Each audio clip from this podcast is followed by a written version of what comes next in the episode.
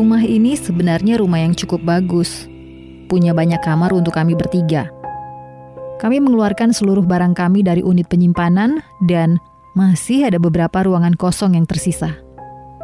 Untuk waktu yang lama, aku dan Joy berbagi kamar. Rasanya cukup aneh pada saat pertama kali aku mendapatkan kamar pribadi. Penghuni rumah yang sebelumnya meninggalkan beberapa barang. Ada sebuah lemari pakaian yang besar di kamarku. Dan Koleksi pakaianku yang minim bahkan tidak bisa mengisi setengah dari lemari tersebut. Dalam beberapa minggu pertama, kami mampir ke tempat-tempat yang menjual furnitur bekas dan membeli beberapa barang yang masih bagus dengan harga murah, termasuk sebuah meja belajar untukku mengerjakan pekerjaan sekolah. Namun, ada satu hal yang membuat rumah ini tidak sempurna. Ruangan di bawah tangga.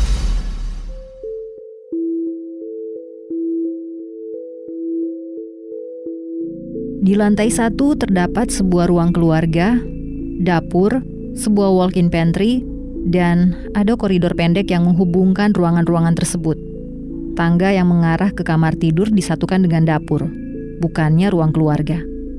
Namun ada juga tangga pendek ke arah bawah yang bercabang dari koridor pendek antara dapur dan ruang keluarga. Sebenarnya tidak bisa dibilang sebagai tangga, karena itu hanya memiliki sekitar delapan anak tangga.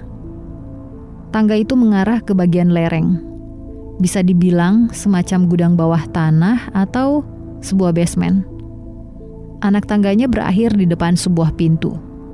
Sebuah pintu interior sederhana yang dicat berwarna krem. Hanya saja ada orang yang menggambar mata Horus yang besar menggunakan tinta hitam di pintu itu.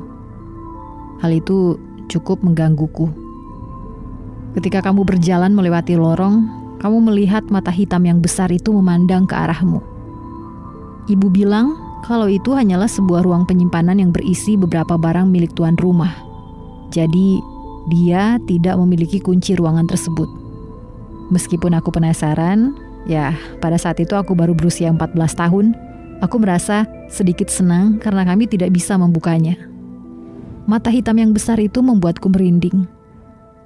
Untukku, hal yang paling aneh terjadi di satu sore setelah aku pulang dari sekolah. Waktu itu, aku sendirian di rumah karena ibu sedang bekerja dan Joy berada di kampus. Aku berjalan melewati tangga itu dan menuju ke dapur. Aku terkejut ketika melihat pintu dari ruangan di bawah tangga itu terbuka dan lampu di dalamnya menyala. Dari atas, aku tidak bisa melihat apa yang ada di dalam ruangan itu selain potongan karpet berwarna merah tua. Jadi, Ma? aku berteriak, Ma? bertanya apakah Joy? ada orang di bawah sana. Joy?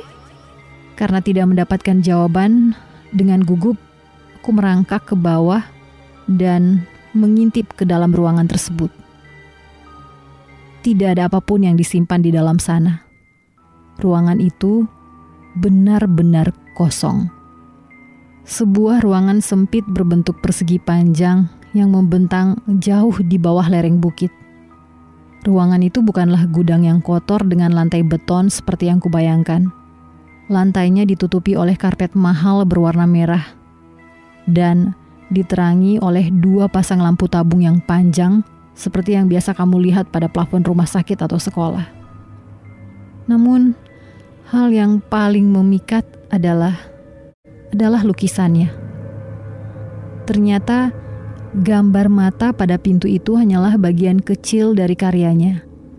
Dan siapa pun yang membuatnya adalah seniman yang hebat.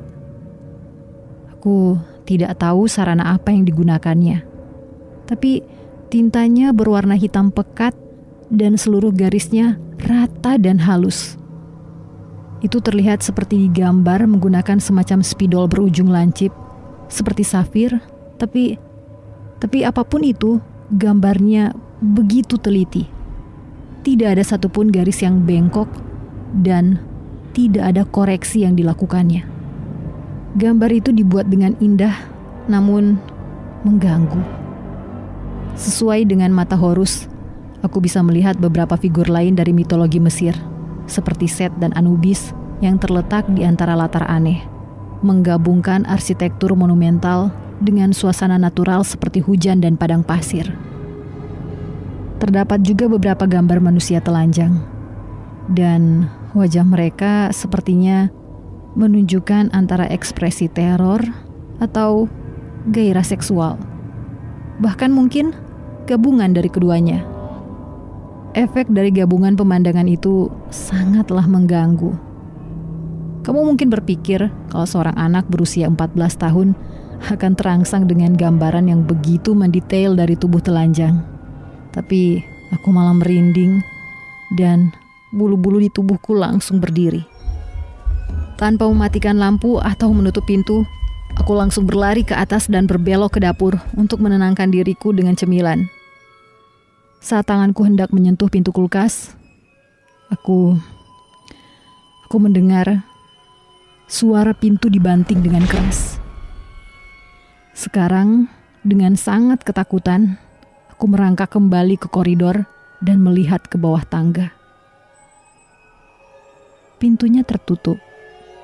Dan sekali lagi, mata itu mata itu memandang ke arahku. Aku berusaha menenangkan diri, mengatakan kepada diriku kalau itu adalah angin. Namun, aku tahu betul kalau ruangan basement itu tidak memiliki jendela ataupun ventilasi. Jadi, tidak mungkin ada angin yang bisa menutup pintu tersebut.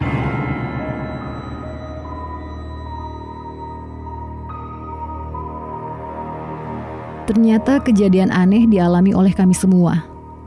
Namun, kami terlalu malu untuk membicarakannya. Aku rasa mungkin itu sebuah mekanisme pertahanan diri untuk orang-orang yang pernah merasakan kekerasan dalam keluarga. Ketika sedang stres, kami menjadi lebih tertutup, menyimpan rahasia kami sendiri. Kemudian, setelah kejadian-kejadian lain terjadi, ibuku menceritakan kalau dia mendapat semacam pengunjung di malam hari.